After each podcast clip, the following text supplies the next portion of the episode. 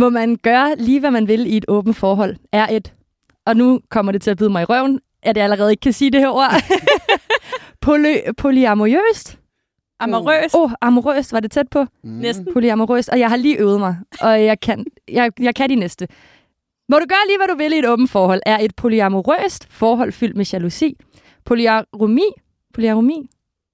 Øh, ah. Der var et eller andet galt. Ja. Jeg kan ikke engang sætte fingeren på det. Nej, men, men ja.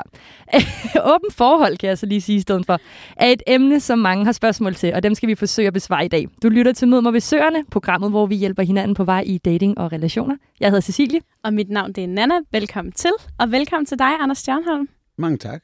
Anders, har du ikke lyst til at præsentere dig selv? Jo, øh, jeg hedder Anders og er 42 år efterhånden, og er sådan en type, der siger min mening om ting. Øh, I lang tid som, som komiker, øh, hvilket jeg stadig gør en lille smule for hyggens skyld øh, og ser på.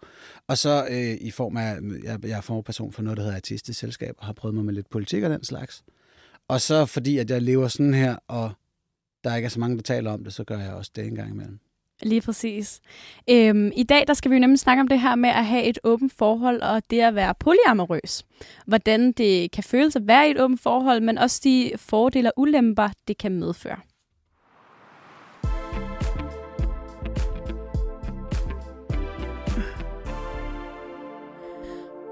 Polyamori kan virke som et... du er bare ved at blive kløjs over i din vand, Anders. det er polyamori. Polyamori polyamori. jeg sagde ellers lige til Nana, da der kom skiller på her, det var faktisk virkelig flot udtalt før. Ja, du var flyvende. Det, du var virkelig flyvende. Ja. Det var fordi, jeg lige blev kæphøj. Ja. Det var mit ego, der kom i vejen der. Oh. Polyamori, det kan virke som et øh, kæmpe mysterie, hvis man aldrig selv har stiftet bekendtskab med konceptet. Så derfor så øh, har vi dig inde i dag, Anders. Og kan du sådan prøve at give os sådan en lille, øh, kort øh, definition af, hvad det vil sige at være polyamorøs? Øh, ja, Altså, man kan vel sige, hvis du er monoamorøs, så er du det, som de fleste kender i dag. Det er en person, der beslutter sig for, at deres kærlighedsliv leves sammen med et menneske. Og en polyamorøs er så en person, der tænker, at deres kærlighedsliv godt kan leves med flere. Og så kan det så være i alle mulige varianter. Okay, så der er ikke forskel på at være i et åbent forhold og polyamori. Det, det er det samme? Jeg vil mene, at man at åben forhold er en en variation af polyamori, altså ligger under en polyamori paraply.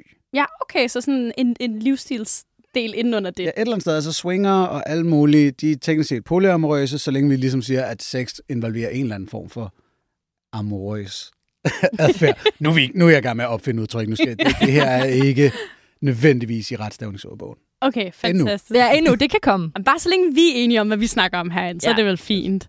Øhm, Anders, jeg kunne godt tænke mig at vide, om du har haft åbne forhold? Ja, skal vi ikke have min erfaring på plads? Jo, det synes jeg kunne være lidt fedt. Jeg har været i to forhold, øh, som tæller som åbne, hvor det ene var sådan øh, kun seksuelt åbent, og det andet var mere polyamorøst. Øh, på den måde, hvor man ser, at relationer kan blive alt muligt. Okay. Man kan også kalde det relationsanarkistisk. Mm, okay, så der kan også være en, et, et element af kærlighed i det. Præcis. Ja. Man møder bare et menneske og finder ud af, at vi to kan godt lide at snakke om musicals, eller vi to kan godt lide at knalde, eller vi to kan... Og hvis der er nok på til, at du tænker, åh, oh, nu er det her faktisk noget dybere, jamen så bliver det det. Og hvis der ikke er, så forbliver det lidt mere overfladisk. Okay, men skal vi så ikke prøve at dykke ned i dit første forhold lidt?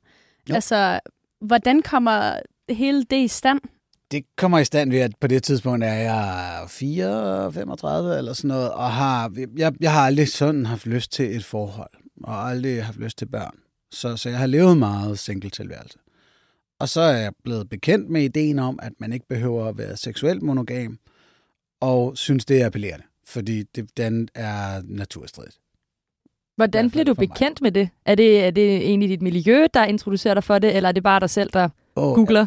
Det, jeg det, det er faktisk et godt spørgsmål, hvor jeg lige stod på. Jo, jo, jeg stødte på en pige for mange år siden, som var i et åbent forhold. Så der var jeg blevet introduceret til, at okay, det kan man faktisk gøre. Og så er jeg jo en type, der i kraft af ateisme og politik og den slags, øh, er glad for at kigge på samfundsnormer og tænke om, er det egentlig en, jeg gider at følge? Altså, jeg skal nok overholde reglerne og sådan noget. Øh.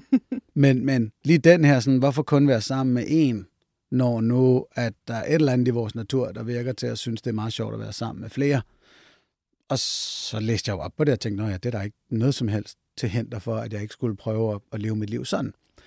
Så jeg møder en, en meget dejlig kvinde, øh, og allerede på første date øh, var jeg sådan, det, jeg må hellere sige det her, fordi hvis det her vokser, så kan hun lige så godt være indstillet fra starten, at jeg sagde, jeg har meget svært ved at se det der med at være monogame, hvad det egentlig nytter, og jeg gad godt, hvis jeg nogensinde skulle lave noget mere fast, at man nærmest fra starten af bare lod det være fri, og så, hvad det så kunne. Og det var hun frisk på. Så, så vi, vores forhold, det første halve år, der lavede vi ikke noget bøvl, øh, eller noget udenom skulle have. Vi snakkede om det. Helt vildt meget. For meget. øh, det lignede nej, bare sådan i dit blik, du var sådan... Uh. nej, faktisk okay. ikke for meget. Det var så fedt. Okay. Det var, det var sindssygt spændende. Vi, vi læste nogle bøger. Øh, Sara Skårup er en dansk forfatter, der har skrevet en bog, der hedder Kærlighedskontrakten. Øh, for eksempel den, og, og en anden en også. Øh, hvor, og så sad vi og snakkede netop det her med en kærlighedskontrakt, og siger, okay, hvad er det så? Vi ønsker, at, at skal være eksklusivt hos hinanden, og hvad er det, vi godt må med andre? Og så og snakke om kommunikation og alt sådan noget igennem, og skrev en kontrakt. Og, og det var super givende i sig selv, bare at køre tankeeksperimenterne. Og så tænkte nå jamen, hvad nu hvis? Og sådan og sådan, hvad, hvorfor skulle jeg blive jaloux? Eller vil jeg blive det? Og selvfølgelig være det, men hvad er egentlig tanken? Og sådan. Det kunne sindssygt meget og, og var meget en, en rigtig fed proces i forhold til at, at lære hinanden at kende os. Okay, så man opstillede ligesom, hvad kan man sige, nogle scenarier for, hvis nu jeg bliver jaloux, så gør vi det her? Ja. Okay, det er da meget smart egentlig. Altså, lad mig tage et godt eksempel. Undervejs i den her kontraktsnak, så snakker vi om, sådan, må man være sammen med flere af gangen. Fordi det er en, det er en stor ting. Øh, det, det er en vild oplevelse, og det kan være meget skrøbeligt for den anden at høre om, nå okay, så har du... Og, og vi snakker pludselig antal, og sådan, hvor vi stopper op og kigger på hinanden nærmest samtidig og sådan helt, okay, hvad er sandsynligheden for, at vi kommer ind i sådan et scenarie? Altså, hvor tit har du siddet til en efterfest, og stemningen var sådan... Altså, og hvor nederen ville det være, hvis du sidder der, og så skal til at tælle hoveder i lokalet, og bare sådan, undskyld, vi er otte, det må jeg faktisk ikke i forhold til. altså, vi var sådan, jeg tror også, jeg sagde, men hvis du var sammen med et helt fodboldhold, hvem skulle jeg så blive jaloux på? Øhm, så, så grinede vi lidt af den, og måtte komme os over, men selvfølgelig, hvis oplevelsen skulle ske for den ene part, hvorfor skulle der så gå en brød af den anden? Det er som sådan slet ikke en, lige i det tilfælde, en, en trussel mod dig på kærlighedsfronten. Øhm, og så nogle små bobler af, af frygt kunne ligesom springe, hvis det giver mening. At man, man har jo altid en frygt i sig, når man holder et menneske for, om det menneske kunne forsvinde. Og, og, og vi forbinder det, at, at vedkommende skulle dyrke sex med en anden, med en, med en stor frygt inden i os. Et ærestab og en frygt. Og det var som om, så hele tankeeksperimentet, hvorfor skulle jeg miste ære af det? De 11 om at gøre det samme, som jeg kan, alene, eller whatever man skal sige til sit dumme mande ikke? og den der med, og, og, og hun smutter der ingen steder, skulle hun tage den oplevelse. Og sådan, det, det, det er meget værd, synes jeg. Så du sidder faktisk egentlig, altså på en eller anden måde, hører jeg, uden at lægge ord i munden på dig, at, øh, at I får en ret sådan, øh, hvad kan man sige, kommer tættere på hinanden rent følelsesmæssigt ved at lave den her kontrakt? Meget. Også fordi, at hvad kan man sige, så, så kunne man også tillade sig at sige, at jamen, hvis der nogensinde er tre damer, der synes, jeg er super spændende at hæve med hjem fra byen, så kunne jeg måske godt finde på det. At man sådan ærligt og redeligt kan tale om sine lyster. Hvor at, at normalt så ville det være super problematisk, hvis vi var monogame, at man sad og snakker om, at flere mennesker kunne det være meget sjovt. Det har i hvert fald været lidt akavet i et par forhold at være sådan, nå okay. Mm. Tror du, det var en fordel for dit forhold, at I ligesom havde den her sådan naturlige, glidende overgang, hvor I fik snakket omkring altså det at være polyamorøs, inden I sådan en faktisk begyndte på at være det, kontra ja. hvis I var sprunget direkte ud i det? Helt sikkert. Helt sikkert. I forvejen kunne man sige, at de fleste anbefaler, at du først starter på sådan noget, når du er blevet et solidt par. Så det var lidt farligt at, at starte ud med det. Øh, så derfor synes jeg, det var rigtig godt, at vi var, var grundige. Hvordan kan det være, at man anbefaler det? Fordi så, så har du jo noget mere sammen. Og kan se efter to måneder, og så er din partner allerede i gang, og sådan, så kan det godt være, at man er sådan, hvorimod efter to år, så har du så har du ligesom fået en, en, en ryggrad ind i din relation, og så kan man måske bedre holde til det. Øhm, I sidste ende handler det jo om bare at fagne det der med jalousien. Ja, man kan jo sige omvendt hvis først du har været sammen i to år, og du ikke har fået nævnt, at det kunne da være sjovt at knalde andre, og måske flere gange osv., så, så er det, det bliver en rigtig svær snak at tage. Man har gået der og lavet som om, at når man, du er mit et og alt, og jeg kunne slet ikke forestille mig at komme på andre måder end sammen med dig. Ja. det er i hvert fald meget sovende at høre som modparten. Kunne ja, jeg forestille hvis man, mig ikke. Hvis man måske ikke er helt enig Ja. ja. altså på samme side omkring det, kan det være en ret svær samtale, tænker jeg, at tage. Men her så, hvis jeg må blive en lille smule, øh, jeg kan aldrig lade være, men jeg kører lidt på monogami. Okay, kom så. Det er jo en illusion, vi prøver at sælge hinanden. Hvordan? Den her om, at Nå, men det er faktisk kun dig, jeg har lyst til, og det, det er kun dig, jeg tænder på, og sådan bla bla bla. Jeg ved godt, de, de fleste, sådan, især i, i København og unge, der har flere børn, øh, har haft mange kærester og sådan noget, så, så bliver man jo godt klar over, nej, nej, nej, der er masser, der tænder dig. Men nogle prøver stadig at leve i den fantasiverden omkring, at der er faktisk kun os to. Altså, du kan jo nærmest ikke opnå en reaktion ved synet af andre. Det, det er jo ikke rigtigt. Nej, men det er, altså, det er jeg faktisk enig med dig i. Eller jeg det ved, synes jeg også, jeg er meget enig i. At, Ja. Er monogami ikke bare et, et aktivt valg, man tager Ja, i virkeligheden? Altså, Og det er bare fordi, der er nogen, der sådan tager det helt ind og ligesom siger, at det er faktisk kun min kæreste, jeg tænder på. Men ja. ja. Og det er også lidt tavligt at sige, men så er der altså også sådan lidt løgn i det, føler jeg lidt. no offense. Eller sådan, fordi man ved, jeg ved jo godt, at min kæreste synes, at, I don't know, Jennifer Lopez er lækker, eller et eller andet. Mm. Jeg ved godt, det er meget langt ude. Det kan også være, han har en i hans omkredskreds, der han synes, der er det. I don't know. Men altså sådan, det er jo ikke fordi, at jeg går helt ned på grund af det. Eller sådan. Så jeg kan godt se, hvad du mener med det. Jeg, jeg, jeg synes, det er et tabu, der er ved at bryde ned også. Altså virkelig kunne sige, hey, din ven øh, Paul, han er altså toplækker. Bare sådan, pille den ud. Lad være med at gå og lade som om, at I er hinandens ti, og, og at hele verden bare er en flok orker, eller... Ej, det sætter meget skarpt op. Det, men Jo, jo. der, der er noget i det der med bare at kalde den, at det der, det er et smukt menneske, og der er bare ingen vej udenom de naturlige instinkter, der er i mit baghoved. Det ændrer ikke på, jeg elsker dig helt vildt, og jeg glæder mig over det projekt, vi har. kan det ikke også være meget sundt altså, at vide, at ens kæreste finder andre mennesker altså, attraktive? Altså, sådan lidt Det vil jeg mene. Altså, ærlighed er vel altid sundt. Jamen, jeg tænker da også, at nogle gange så kan man måske også gøre, hvis man har haft en hård periode eller et eller andet. Sådan lige det der, man får at vide, sådan, at ens partner altså også godt kan smutte. Altså, det er en mulighed, man er ikke 100% sikker. Nogle gange kan det godt sådan lige trigge et eller andet en, hvor man skal være sådan lidt, okay, jeg skal lige være sammen. Men nu er jeg så ked af, at du sætter det op til, at ens partner kan smutte. Altså, fordi det at sige, det der, det er et lækkert menneske, og jeg gad godt at, at bolle med det, er jo ikke det samme som, jeg går for dig. Nej, det er Det rigtigt. behøver i hvert fald nemlig ikke at være. Det er lidt det, der er humlen i det her. Ja, men det er jo præmissen typisk for et monogam forhold jo. At Ja, ja. At, Men det er bare vil meget jo sjovt, at du satte det sådan op lige der. Ja. Men jeg synes jo egentlig, tror jeg, at jeg synes, det her åbent forhold er en, enormt interessant. Også særligt efter, jeg ved ikke om I så den der dokumentar, det jeg lavede for et par år tilbage, om, øh, der hed Ku godt, må godt, øh, mm. med et kærestepar, hvor at, at det blev sådan lidt, Nå ja, hvor manden i øh, forholdet... ja, han blev lidt uheldigt skildret lidt. ja. Ej, det, det var ikke rart, det der. Nej, det var Nej, det ikke. det var det nemlig ikke. Og, og det er jo så det, man, man er jo aldrig nogensinde 100% til stede i sådan en dokumentar der, fordi at, at ting blev vinklet. Øhm, og der sker ting bagved, som man ikke er klar over. Men der kan jeg bare huske, hvor jeg tænkte sådan, åh, oh, det blev lidt ærgerligt. Er det, er, det, er det specifikt det, at hun blev sådan lidt nedladende wingman for ham? Jeg tror mere, jeg, jeg følte sådan lidt, at, at han måske ikke helt havde lyst til et åbent Ja. forhold. altså Okay. sådan virkede det lidt nogle gange, som om, at, at det blev portrætteret som om, at, at øhm, jeg kan ikke huske, jeg tror han hed Anders, og hun hed Malou. Åh, jeg kan ikke helt mm. huske det. Men kvinden i forholdet, hun havde i hvert fald rigelig gang i fyrene, og det var ikke noget problem. Og jeg mener også, på et tidspunkt får hun vist en, en kæreste i det der. Hvor så, at, at ham den anden, han har lidt, han kan ikke rigtig få den, nogle andre dates, og nogle andre damer bliver lidt portrætteret til. Og så virkede det bare lidt, som om der var en uligevægt. Det er der jo. Altså, det skal man bare forberede sig på. Øhm, det, det er en mm, trist sandhed, en, en, en naturlig ting, at hvad er det, statistikken siger, at mænd swiper øh, til højre på 60% af kvinderne på Tinder, og kvinderne swiper til højre på 5%. Ja. Den forskel er der bare, og man er nødt til at være indstillet på, at jamen, hun kommer nok til at have flere valgmuligheder. Og han kommer måske til at være lidt mere motiveret. altså, sådan, der er sådan en grund til ligesom at tilgive hinanden, at der er de her prægninger på kønnene, når der er det her marked. I hvert fald på den heteroseksuelle front. Ikke? Hvordan håndterer man så de her uligheder? Finder sig i dem. Det, har, du, har du bare fundet altså, dig i det? Nu har jeg været så heldig, at jeg synes, min kæreste har været meget, meget kønne kvinder, og jeg kunne godt se, at, at det var noget nemmere for dem. Altså, bevares, så havde jeg været på tv en gang, det hjælper måske en lille smule, men, men der, jeg kunne godt se, nej, nej, nej, det er ikke, det er ikke ligevægtigt, hvad der kan være, og samtidig var der også en utrolig stor forskel i, hvordan kønnene tager imod det.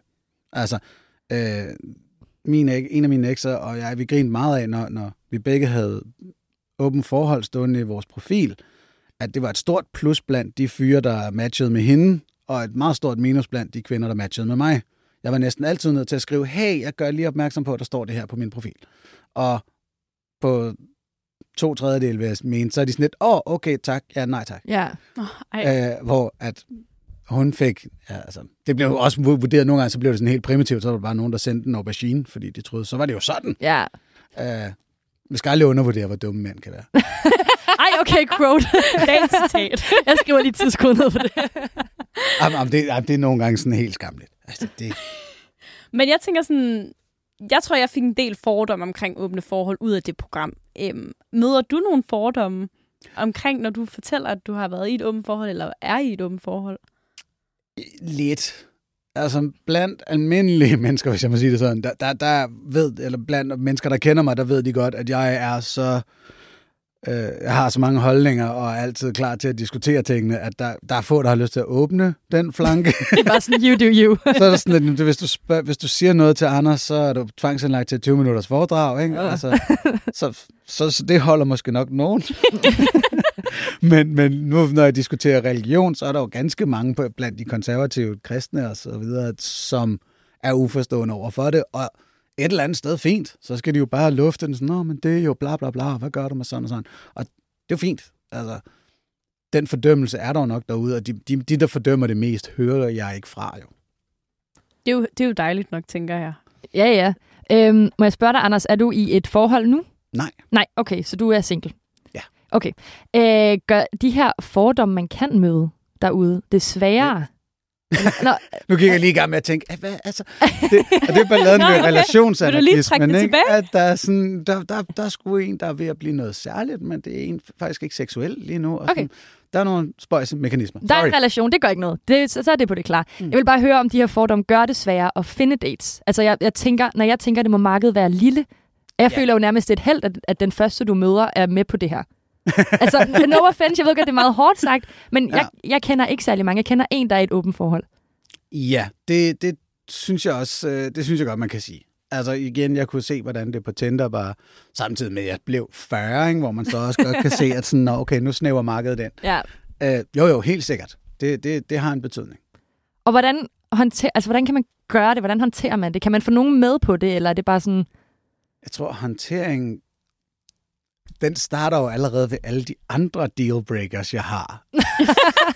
Du får solgt dig selv godt. Åh, Nå, men som menneske, så sidder du bare og tænker, "Nå, okay, altså, så... Nej, der er jo ikke en universel tier eller lignende, hvor man sådan tænker, om ham her, han vil gerne have børn og har et godt job og kan finde ud af at have fået massage og rødvin og whatever. Øh, men der er jo bare sådan, okay, jeg har mine meget øh, skarpe politiske holdninger, jeg har en idé om, om religion, jeg er en lille smule derude og har, er, er, er meget beskæftiget med debatten, det skal man have med sig. Det, det tænder nogen af, og så er kun 1,82, det tænder andre af. Højde er jo, det, det er jo det sindssygeste vi har lige snakket om det. Det er, jo det, det er jo det sindssygeste, at du kan bare fødes uheldigt, og så er, Så- så er det bare lukket. Så er det bare en kæmpe dealbreaker. Ja. Nå, men så, så der er en masse ting, som gør, at nogen vil skære mig fra. Og en stor næse og alt sådan noget, ikke? Ej, okay, jeg synes virkelig, du får snakket dig selv lidt ned nu. altså, Jamen, det vil jeg bare nu, nu tager jeg kun de ufede ting. Der er ikke, der er ikke noget sjovt i mig, der sidder og siger, Nå, men så for resten derudover, og så bager jeg en syg portærte. Og sådan. Det der win, det tæller da op. ja, men jeg gider ikke at nævne alt. Nej, det er fair. Undskyld, nu afbryder jeg dig. mit ego er stort nok til, at jeg synes, der er, en, der, der er en stor del på den anden side. Ikke? Det er godt. Men det her er bare endnu en ting, hvor det hakker nogen fra, men til gengæld, dem der så er, er jo så indforstået med den personlighed, jeg lægger derud. Så jeg, jeg, jeg, jeg er jo så heller ikke typen, som I nok kan høre, der, der prøver at pakke uheldighederne ind tidligt i forholdet. Og tænker, "Ej, jeg håber ikke, hun opdager det. Jeg håber ikke, hun opdager min store næse. Det ligger simpelthen bare alle de dårlige ting på bordet med det samme. altså, det kender jeg jo godt selv. Det gør jeg jo også. Ja, det gør du faktisk. Ja. Det er også en tendens, du har. Ja, det kan man lige så godt, fordi så har man ligesom sorteret dem fra, der ikke kan lide det. Det er mega smart. Der var en gang, det var lige da Sidney Lee var kæmpestor, der øh, var der en fyr, der interviewede den her dude, der var i The Office. Så det var hans første store rolle. Og så bliver han, jeg tror, det var sådan et embladsagtigt interview, ikke? så er det sådan, hey, er der nogen damer i at være på tv? Og så siger han, ja. Men det er der for enhver idiot på tv. og nøjagtigt samtidig sad jeg så og så noget Sidney Lee-indslag omkring, at han havde snavet seks piger til den samme fest, eller sådan noget. Man kunne se, hvor, hvor glad han var, som en, som en 12-årig i en 30-årig krop. Og jeg tænkte, ah, ja, fordi altså, øh, ni en halv ud af 10 damer kigger på Sidney Lee og tænker, nej tak. Ja. Men den halve, hvis hun ser ham til en fest, så er det bare fuldt smadret. Så, så, ja, okay, okay. Det var måske ikke helt så voldsomt, jeg tænkte, men... okay. men så derfor kan man ligesom sige, hvis, hvis du er ærlig og måske lidt derude af med din personlighed, så tiltrækker du de folk, der tænker, nå, hey, ham der særling, eller hende der særling. Det var da en pæn måde at sige det på. Nej, ja. Jeg kan godt lide at pakke. Jeg, jeg pakker det ud. ja, okay, der, der blev pakket ud, det skal jeg da love for. Det må man jo godt. Det må man da helt sikkert. I disse dage med, med neurodivergent inklusion. Så. ja, okay. okay. Blev det helt sort? Undskyld, jeg skal lige tage mig sammen. Okay. det er bare det, der er problemet. Det var bare det, der var problemet. øhm, jeg tænker lidt mere i forhold til de her fordomme. Altså, siger man det bare på første date? Altså, er det bare sådan... jeg kommer ikke med en anbefaling på det. Nå, okay. Jeg tænker bare sådan lidt, altså, kan man bare ende på en date med en fyr, og så siger han, jeg er til åbne forhold, øhm, og sådan er det, og så er man sådan, øh, okay, øh, skal jeg tage min drink, eller gå, eller blive, eller hvad? Altså. Ja, hvis man ikke er til det som modparten, eller hvad? Ja, altså, er det, er det man kan vel ikke, man, men man, man kan jo også overtale hinanden jo. Nej, altså. nej, men man kunne også udforske det. Ja, det er selvfølgelig altså. en god pointe. Som er en anden måde at sige overtale. Nej, altså mere Nå, men det, det mener jeg. Ja, det er jo bare altså, en gradvis overtagelse. Du kan jo netop godt overtale den anden. Der er også nogen, der kan overtale den anden vej. At sådan, hov, så blev det monogam lige så stille, fordi at han, hun var virkelig sød. Så jo, no, nogle gange har jeg været mødt nogen, og så har jeg lige måttet nu skal du forresten høre, jeg lever mit kærlighedsliv sådan her. Og så tykker de på den. Og nogen er sådan lidt, okay, det er ikke helt en dealbreaker, lad os lige se, kan du spille billiard? Og så, der er andre kriterier, men så bygger man på. Okay. Og så finder ud af, er der egentlig noget, eller er der ikke? Okay. Så får jeg lyst til at spørge, kunne du godt finde på at gå tilbage til monogame forhold så? For den rigtige? Tror jeg ikke. Du tror ikke? Okay. Nej, ja, jeg kan ikke lige se, hvad der skulle... Fordi nu, jeg kan godt mærke, at der, der er et eller andet i det, det logiske i det, som ligger mig så nært nu, at hvis hun ikke delte lidt det samme sindelag, vil jeg have svært ved at se, at vi var et match derudover. Sådan filosofisk, livsfilosofisk. Det er jo meget, altså egentlig meget færdigt. Det er jo snak om det, værdier i virkeligheden. Ja, fordi jeg blev også spurgt om sådan, hvad hvis du fik en kæreste, der var troende? Hvor jeg sådan, det, det tror jeg ikke vil kunne ske, fordi så vil der simpelthen være for meget verdensforståelse i os, der var forskellige. Um, så det vil nok mere være det, der var dealbreakeren i så fald. Men det synes jeg giver ret god mening. Må jeg spørge om, hvad er det, du, kan man sige, savner i et for, i det forhold, du havde med din kæreste, din første kæreste for eksempel. Mm. Øh, hvad er det, du savner, der gør, at du ligesom skal være i et åbent forhold? Giver det mening? Mm. Okay. Savner... Jeg ved ikke, om man kan sige savner, men sådan... Det, det sociale behov, som er at, at, at møde et menneske og fordybe sig i det og udforske seksualiteten med det menneske. Men kan altså, man ikke godt gøre det uden at udforske seksualiteten? Altså kan man ikke bare... Jo, men hvorfor ikke?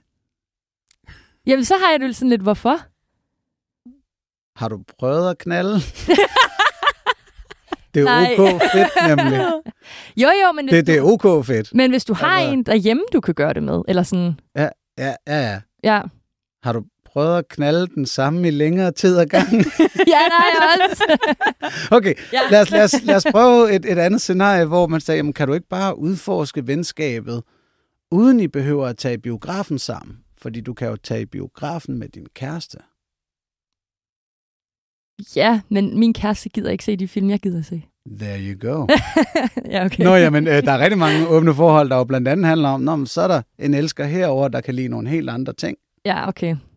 Jeg kan godt se det. Jeg kunne høre det, da jeg sagde det. Men, men det er helt okay. Det er jo fordi, vi eleverer sex til noget særligt. Ja. Til noget ekstraordinær fritidsaktivitet. Det er måske en meget tør måde at kalde det på. Ikke? Men, men vi gør det til noget særligt og noget følelsesmæssigt særligt. Og bevares, det har der også nogle, nogle særlige kvaliteter. Det er ekstraordinært intimt osv. Men, men at have den slags ven, som vil, I don't know, tage dig i røven, eller vil, vil høre på dig, græde dit inderste ud på grund af barndomstraumer eller andet, er jo også en utrolig intim situation.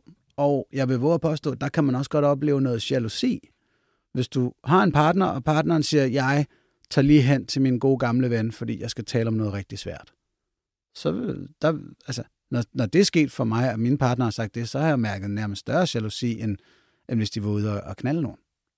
Øhm, hvor det giver jo heller ingen mening. Selvfølgelig skal de tale med, med folk, der forstår de her aspekter af deres liv. Så ja. Men hvordan håndterer man den her jalousi? Også yes. i åbne forhold. Fordi jeg, jeg ved, at jeg er meget jaloux anlagt. Og jeg vil slet ikke kunne forestille mig, at min kæreste være sammen med en anden, uden at jeg vil, mit hoved vil eksplodere. Ja. Altså sådan, så hvordan håndterer man det?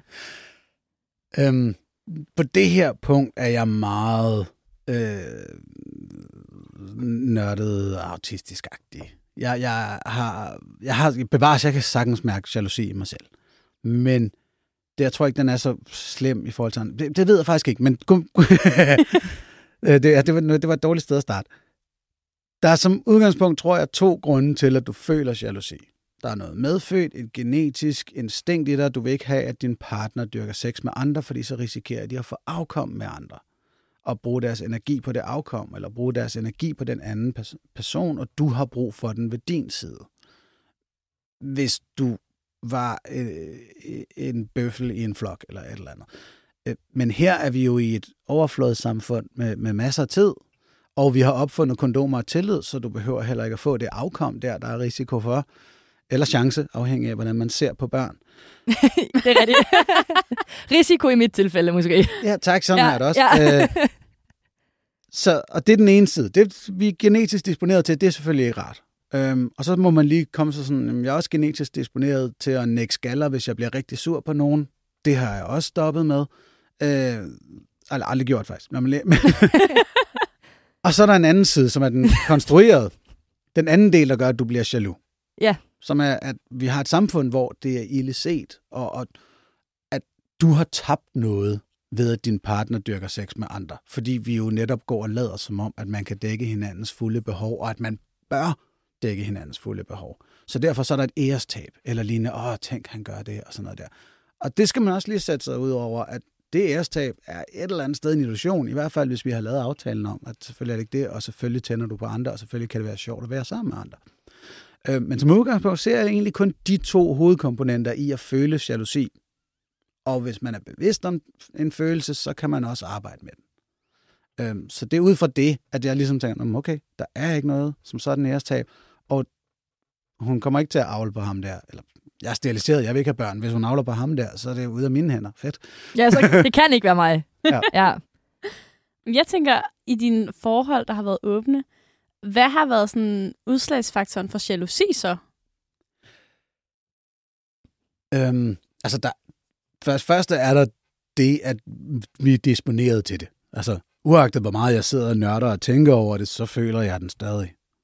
Øhm, og så derudover, så kan den forstærkes selvfølgelig af, par, af hvor interessant den anden partner er.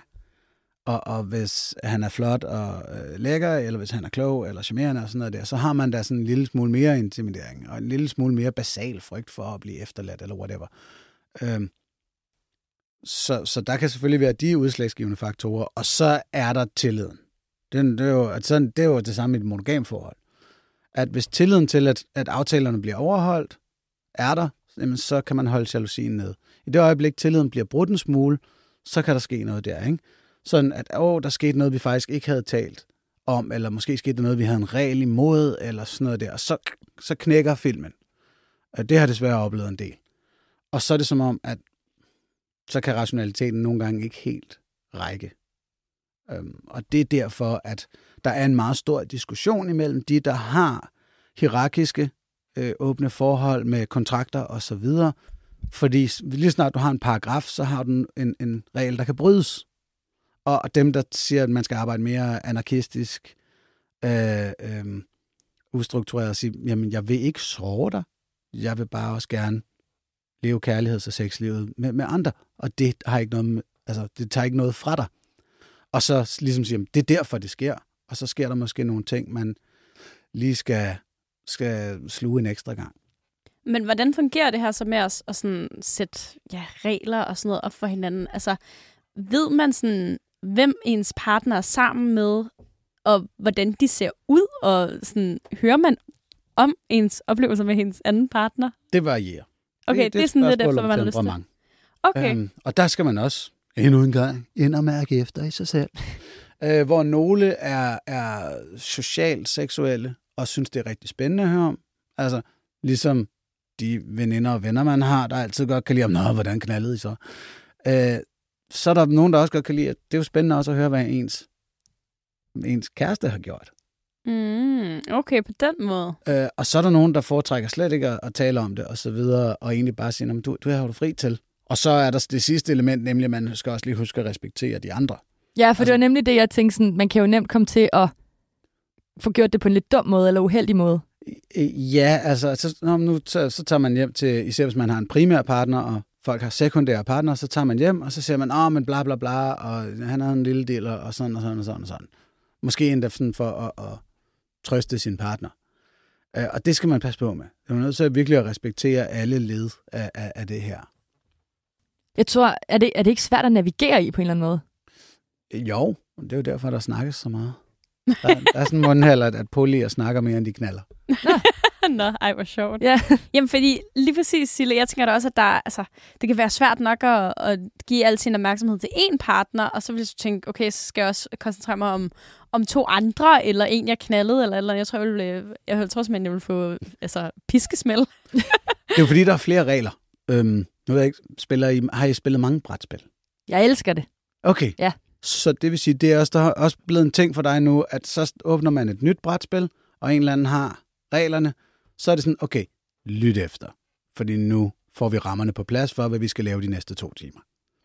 Det er nærmest det samme her. Bare, hov, her er en ny partner, der er nogle nye ting og sager. Øh, han, hun kan godt lide sådan her, og desuden vil jeg gerne prøve at opleve det her det her. Her er reglerne. Kan vi spille? Og så må man sige, det afhænger jo af spillet, der kommer på bordet hvad reglerne så skal være, og derfor er man nødt til at tale om dem ret tæt. Ah, okay. For jeg troede lidt, jeg havde en fordom om, at hvis man var i et åbent forhold, øh, og det er totalt meget kæmpe fordom, det her. Jeg kan godt høre mig selv nu. Du siger det bare, som det er. Du må godt trække i land. øh, jeg havde måske en lille fordom om, at det var sådan noget med, så har man aftalt, at man var i et åbent forhold, og så øh, rykkede fyren ligesom ud og knaldede en masse piger, uden at fortælle dem, at han nødvendigvis var i et åbent forhold. Og så fik man sådan en akavet besked på Instagram efter en måned, hvor hun har fået ud af, at man var kærester med ham. Og så er det sådan et, øh, hvis du godt, at din kæreste han er der utro. Altså sådan, det, jeg tror, det er den sådan, relation, jeg har til åbne forhold. Okay, det lyder også som noget rigtig bullshit, det der. Ja, altså en rigtig... Øh... Hvilket er endnu en god grund til, der er mange, der tit spørger sådan, om siger du det til de andre? Så, ja, det er en rigtig god grund.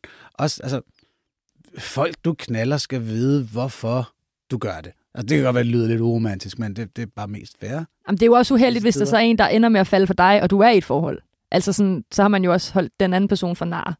Nemlig. Altså, altså så, ja. selvfølgelig det. Du må ikke... Ja. ja. Jeg kan godt se, at god kommunikation er vigtig, for ellers skal man virkelig ende med at sove mange altså forskellige partnere og mange forskellige sådan, lag af relationer i virkeligheden. Er jalousi et af de sådan, eneste problemer, der kan opstå i et, øh, i et åbent forhold? det er jo noget af det største, ligesom i et almindeligt forhold. Og så, så kan der jo være alle de andre strukturelle ting, at man ikke kan lide hinanden. Sådan noget. Øhm.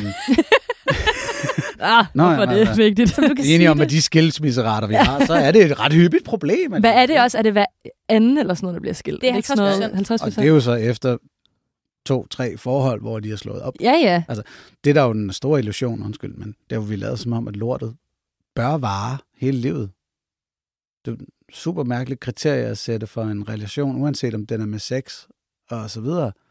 Der, der er ikke nogen, når, når, hvis du stopper med at se en eller anden ven, så er det ikke, fordi folk står sådan, åh, ej, okay, nå, så Leonora ser du ikke længere. I var så glade for polostylter, eller whatever.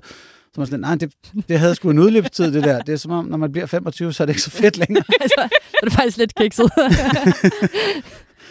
ja, selv dem på Segways kigger. Ej, dem havde jeg glemt. Nå, men er der nogen, altså hvad er ulemperne ved det så, andet end jalousi? Uh, planlægning. Altså selvfølgelig, du, du, du maser meget ind i dit liv. Så lige pludselig så at have flere Google-kalender kørende med folk og sådan noget der. Når I ser folk, der får flere kærester, så, ui, så er der planlægger, hvis de har børn og sådan noget der. Altså, det, det er de sindssygste time managers. Det, der har jeg jo så heldigvis ikke noget øh, skolenet, jeg skal ind på af den slags. Jamen, hvordan håndterer man så, hvis nu man har to kærester? er det så den primære, der altid vinder, eller er det så den sekundære? Det, det afhænger af, om du har et hierarkisk forhold. Det der, det er det hierarkiske. Okay. så, så vinder den primære selvfølgelig, hvis det er din ankerpartner, er der også noget, der hedder, det er den, du bor sammen med, har børn med eller andet. Øhm, men hvis det kører mere anarkistisk, så må du tage den gang for gang. Okay. Ej, hvad vildt. Det er sådan en helt anden forholdsdynamik, altså i forhold til, hvad vi er vant til. Ej, jeg synes, det er sindssygt spændende at høre om, fordi at jeg har ikke rigtig øh, læst særlig meget om det, eller hørt særlig meget om det. Så jeg har mega mange spørgsmål. Vi kan jo prøve at forestille jer. Fordi det er der noget forskning, der peger på, og bevares det her, det er ikke øh, fuldstændig bevist eller lignende. Men før landbrugsrevolutionen for 10-12.000 år siden, så levede de fleste af os i små hold af jægersamlere, en, en, alt mellem 20 og 150 mennesker. Og som oftest virker det som om, at de øh, øh, ja, samlerflokke der, de var ikke monogame. De var faktisk polyamorøse. Der er stadig indianerfolk i dag, hvor det er velanset, når en kvinde gerne vil være gravid, at hun knaller med mange fra stammen. Øh, der er sågar nogen, der har tanker om, at, at, at barnet bliver lavet af sådan lidt gross alt sæden for de her mænd, eller at så får barnet evnerne fra de forskellige, både ham den kloge, ham den høje, ham den hurtige og sådan noget der. Øh, det ved vi så bedre end rent fysiologisk, men socialt betyder det jo, at moren er den vigtigste forælder. Det er det barn. Vi så dem komme ud af hende, så det må give mening. Og barnet arver hendes navn og så videre. Ikke noget Frederiksen her. Det er ikke sådan noget Eriks datter. Nej, det er, det er Thereses datter. Thereses datter, ja. Det er det eneste, vi med sikkerhed ved, og så er der ellers Erik og Paul og Frederik og øh, Preben og alle mulige andre mærkelige stammenavne.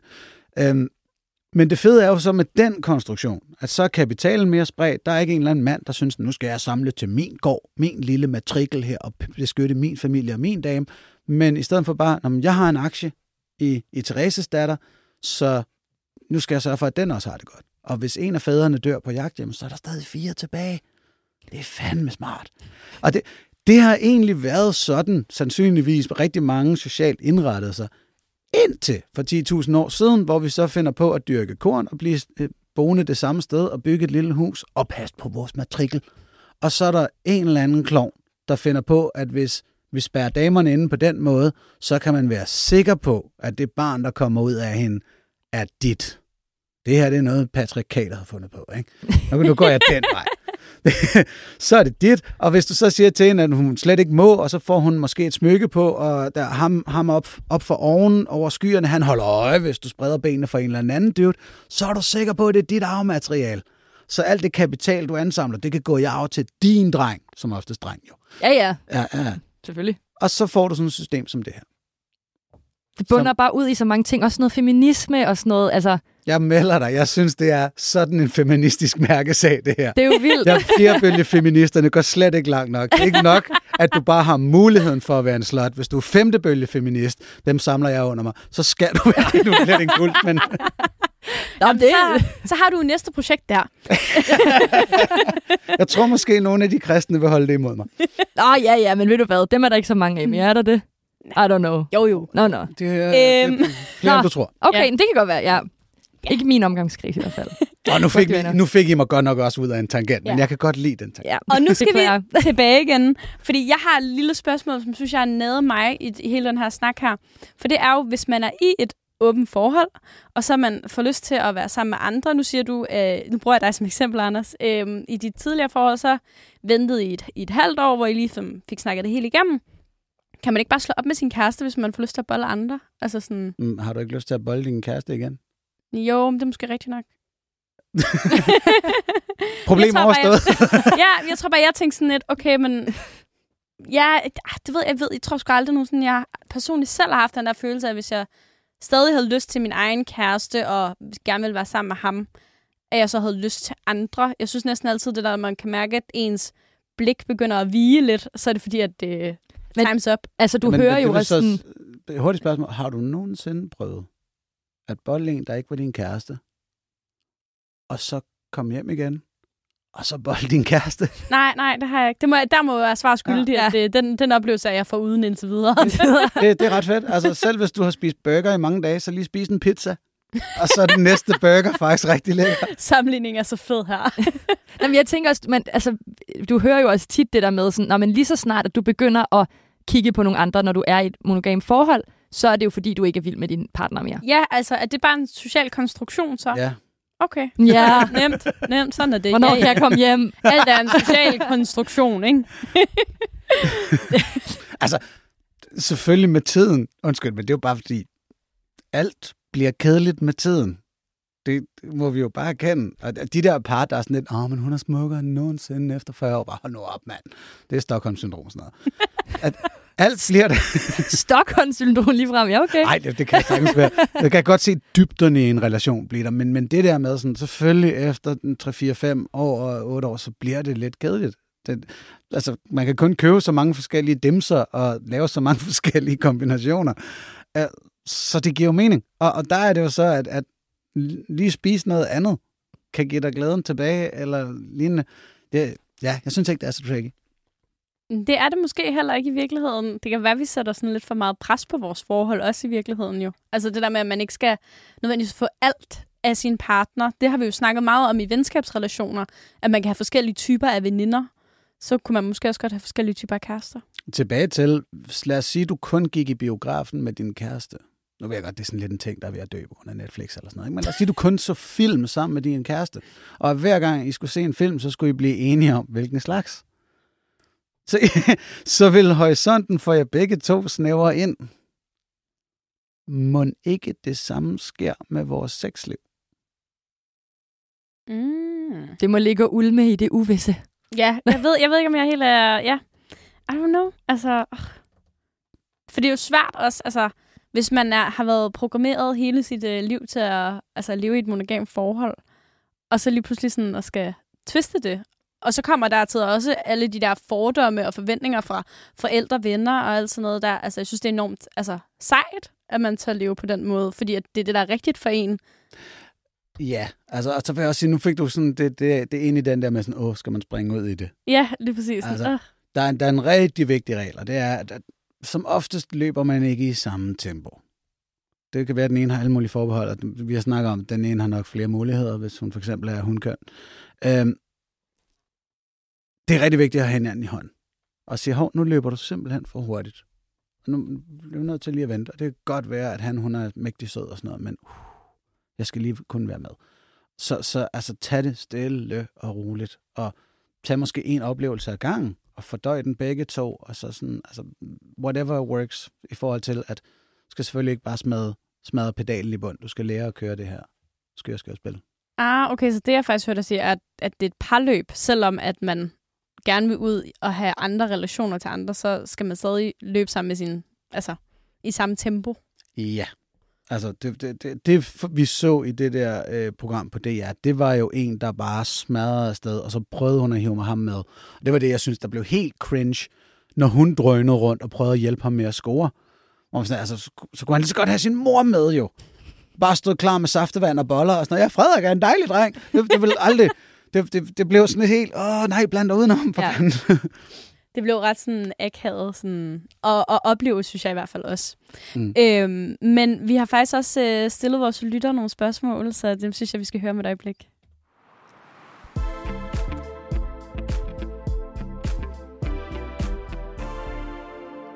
Vi har jo været på øh, god gamle Instagram, hvor vores øh, lytter er mega aktive, Anders, øh, fordi at de jo også synes, det her er et ret spændende emne. Så jeg har, øh, jeg har spurgt ud på Story øh, for at høre sådan, hvad, hvad vores lytteres erfaringer har været med de her åbne forhold.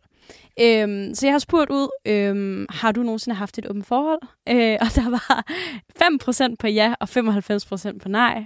Og så det stemmer jo faktisk ret godt overens det her med, at du siger, at, at det ikke er så mange, altså, som snakker om, hvis de er det. Og så i virkeligheden, at, at man jo egentlig nok er lidt en minoritet inden i sådan kærlighedsspektrummet. Ja, og så ved jeg ikke, hvilket segment I, øh, I rammer her. Vi, øh, vi rammer primært øh, kvinder plus 23, men øh, har 30 procent af lytterne, der er mænd. Det er meget bredt. Det er meget bredt, Ja. så sådan ret bred spektrum. Nej, jeg Vi tror ligger- faktisk, det er 50-50 mænd kvinder. Er det nu? Ja. Ej, hvor vildt. Ja. Ja, øhm, og ligger typisk 23-35 års. Sådan. Okay, fedt segment alligevel. Det er ret dem er der fedt penge segment. i. Ja, ja, ja. Ikke friværdi dog, men altså. men, øh, men vi har en ret bred målgruppe, øhm, og jeg synes bare, det var ret interessant, at der ikke var flere på ja. Øhm, fordi jeg, jeg troede egentlig bare, at det var måske nogen... Der var flere, der praktiserede det, og så bare ikke snakkede om det. Hmm. Det ja. havde jeg en lille idé om. Men øhm, så spurgte jeg så ud, om, om folk havde lyst til at prøve et åbent forhold. Og der var 8% på ja, øh, 22% på måske, og 73% på nej. Okay. Så ud af de 100% der var der jo faktisk altså 22, der sådan var rygbare. Så cirka, ja. Ja, de 73 er lidt trist, faktisk. Men jeg Ja. tror også, jeg kunne også forestille mig sådan, hvis jeg, hvis jeg skulle have svaret måske, så havde det også været sådan, hvordan vil min partner tage imod det? Ah, hvis det er, okay. at man er i et okay. forhold, ikke? Altså sådan, fordi, Så- nå jamen, det kunne godt være, at jeg ville, men jeg har ikke lige lyst til at break den, fordi jeg vil heller ikke miste personen, eller sådan, du ved. For det kan jo godt være, at der er en person, der kommer til at tage det, mm. som om, at det er et problem med den, Ja. ikke? jeg, Altså altså sådan- jeg vil våge at påstå, at erkendelsen, hvis man har den, bare erkendelsen af, hey, jeg finder andre mennesker seksuelt tiltrækkende, det er ligesom at være den første til at slå en brud i et forhold. Lige få brudt sejlet. Nu kigger I, som om det ikke er sket i jeres. Åh oh, jo, jeg Jo, var jo, den jo, første. Okay. Altså sådan så... ja, ja, ja, sådan, ja. Men hele den der lettelse, begge parter har, når man sådan, åh, det var... Uh, man er lige så lettet som den, der har bruttet. Altså, man er sådan, åh, fedt. Så, Så er det kan- ude. Ja, så Nu- nu kan vi gøre det. Eller bøvs, eller ja, alt muligt mærkeligt, ikke? Mm. Okay. Vi har også øh, fået nogle lytterspørgsmål ind til dig. Øhm, og der er en lytter, der har spurgt, hvad det sværeste ved at være i et åbent forhold er. det, det er jalousien. Altså, nu, fordi jeg synes ikke, der er så mange svære. Oh, jo, måske er det snakkeriet og, og hele den der sådan, mærken efter ved der. Men ellers så, så er det jalousien, den er farlig. Øh, uanset hvordan man, man så øh, prøver at analysere og snakke den. Øh, det er den. Øh, og det er den jo også i monogame forhold. Føler du, at du har været mere sådan, altså, til stede i dine åbne forhold, altså når dit forhold har været åbent kontra et traditionelt monogam forhold? Uh. Nu ved jeg ikke helt, hvad du lægger i ordet til Nej, stede, men jeg har lyst til at du svare siger, ja. du, at I har snakket rigtig meget og Ja. hele tiden mærket Jamen, okay, efter. præcis det. Ja, okay. Præcis det, ja. Jeg føler, jeg har lært de kvinder meget bedre at kende. Okay. Det synes jeg er en meget spændende betragtning, faktisk. Og sådan, og man kan internalis- altså internalisere den lidt i forhold til os to, Sille, for vi er jo begge to i monogame forhold. Om sådan, ville vi kende vores kærester bedre, hvis vi åbnede vores forhold op? Ja, det ved jeg ikke. Ja, jeg synes, det er ret spændende Ja. tanker at lege rundt med. Men det er jo et svært spørgsmål, når det er, ikke er sket. Eller Har I sådan. nogensinde spurgt, har I sådan været i byen med jeres kæreste? Ja, ja, vi går og i så, byen. Og så, ja. Og så, jeg har ikke været det. seriøst? Ja. Nå, okay. Og sådan at pege på, på nogen og sige, hey, hvem er lækre derovre? Og så høre, hvad kærestens smag egentlig er. Det kunne være meget sjovt. Det er en sindssygt skæg leg. Jeg har jo Altså, mødt det... øh, min kærestes øh, gamle bolleven, som han var bollevenner med i halvandet år. Og hun er den diametrale modsætning til mig. Altså sådan, vi kunne aldrig nogensinde være mere altså, længere fra hinanden, end vi er. Og det her tit synes jeg var ret sjovt, at han Mhm. alligevel har været sammen med hende i halvandet år. Og så var vi blevet kærester, fordi vi er så forskellige, altså også udseendsmæssigt. Og sådan, så en eneste fællesnævner er, at vi er, altså, vi er mørkhårede. Men kan det ikke bringe en... får næsten altså den idé, at mænd gerne vil bolle meget forskelligt. Det var meget sjovt, sådan, Jeg tænker mere, kan det ikke bringe en usikkerhed? Nej. At, nej, okay. Jeg sidder for at vide, jo, jamen det kan det da i den grad. Jamen, jeg mener også Men- mere sådan, at i diametrale modsætninger, hvad er det nu lige pludselig... Øh, hvor, hvorfor var det det her først, og nu er det det her? Eller Kunne det sådan? være det indre, der tæller? Ja, jamen, det er lige præcis det, der... det var nemlig det, det jeg det. tænkte. Jeg tænkte sådan, "Nå, okay, men vi er bare forskellige. Altså, hun har været god i lige det altså, område, han var i hans liv på det tidspunkt. Og nu passer jeg bedre til et andet kapitel. Mm. hvis det giver mening. Jeg tror, det var sådan, der var min tankegang i det. Øhm, men vi har altså et spørgsmål mere, Mm. mm. Anders, inden vi øh, griber os helt ned på et nyt tidsspor. Øhm, der er en lytter, der skriver ind. Jeg har længe gået og overvejet at åbne et forhold, men jeg er bange for, hvad min kæreste synes. Hvordan starter jeg bedst den samtale? Hmm. Jeg har ikke nogen sikker opskrift. Øhm, men måske for eksempel det, vi lige snakkede om, altså bare åbne for tanken om, at man finder andre mennesker tiltrækkende, og at det ikke er farligt. Og så synes jeg, der er skrevet nogle gode ting om det. Øhm, der er en, en kvinde, der hedder Anja Lysholm, der har skrevet en lille bog, der hedder Hvem er du utro? Og hendes argumentation i den, synes jeg, er rigtig, rigtig god til ligesom at, at dulme lidt af den der spænding, der opstår, når man tænker på, at ens partner kunne finde på at, at, gøre det, eller at bare at ens partner er tiltrukket af andre.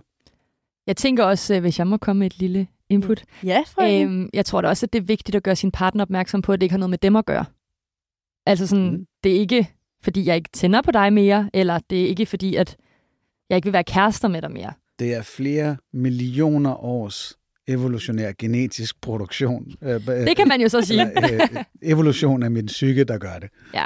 Man kan også bare ringe Anders op, og så kan han lige give 20 minutters foredrag. jeg bare må medhøre på telefonen. Nu skal du høre, hvorfor. Ja. ja. Hvad, hvad hedder den der øh, øh, lamme tjeneste, hvor man kan få øh, sådan en eller anden semikendis til at ønske tillykke med Nå ja, oh, ja, det er rigtigt. Det er rigtigt. Ja. Jeg ved ikke, hvad den hedder. Der kan man købe 8 minutter for... Ja, det bliver dyrt, men altså... Oh. 8 minutter, 50 kroner. Hey Patrick, nu skal du høre. Ja. Åh, oh, Gud. Ej, jeg synes bare, det er, det er ret spændende, sådan det her med, hvordan man bedst starter den samtale, uden at man sådan ødelægger altså det, man egentlig forsøger på, og måske også få det, man vil have, fordi hvad hvis de ikke er interesseret i åbent forhold op? Skal man så slå op?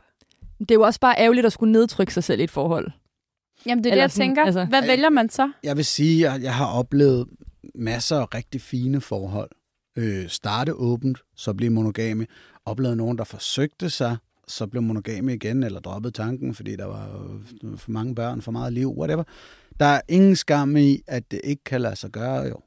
Øh, der er ingen skam i, at det kan gå galt, og så videre. Der er kun skam i, hvis man ikke giver sin, gør sit bedste for at forstå sig selv og sin partner.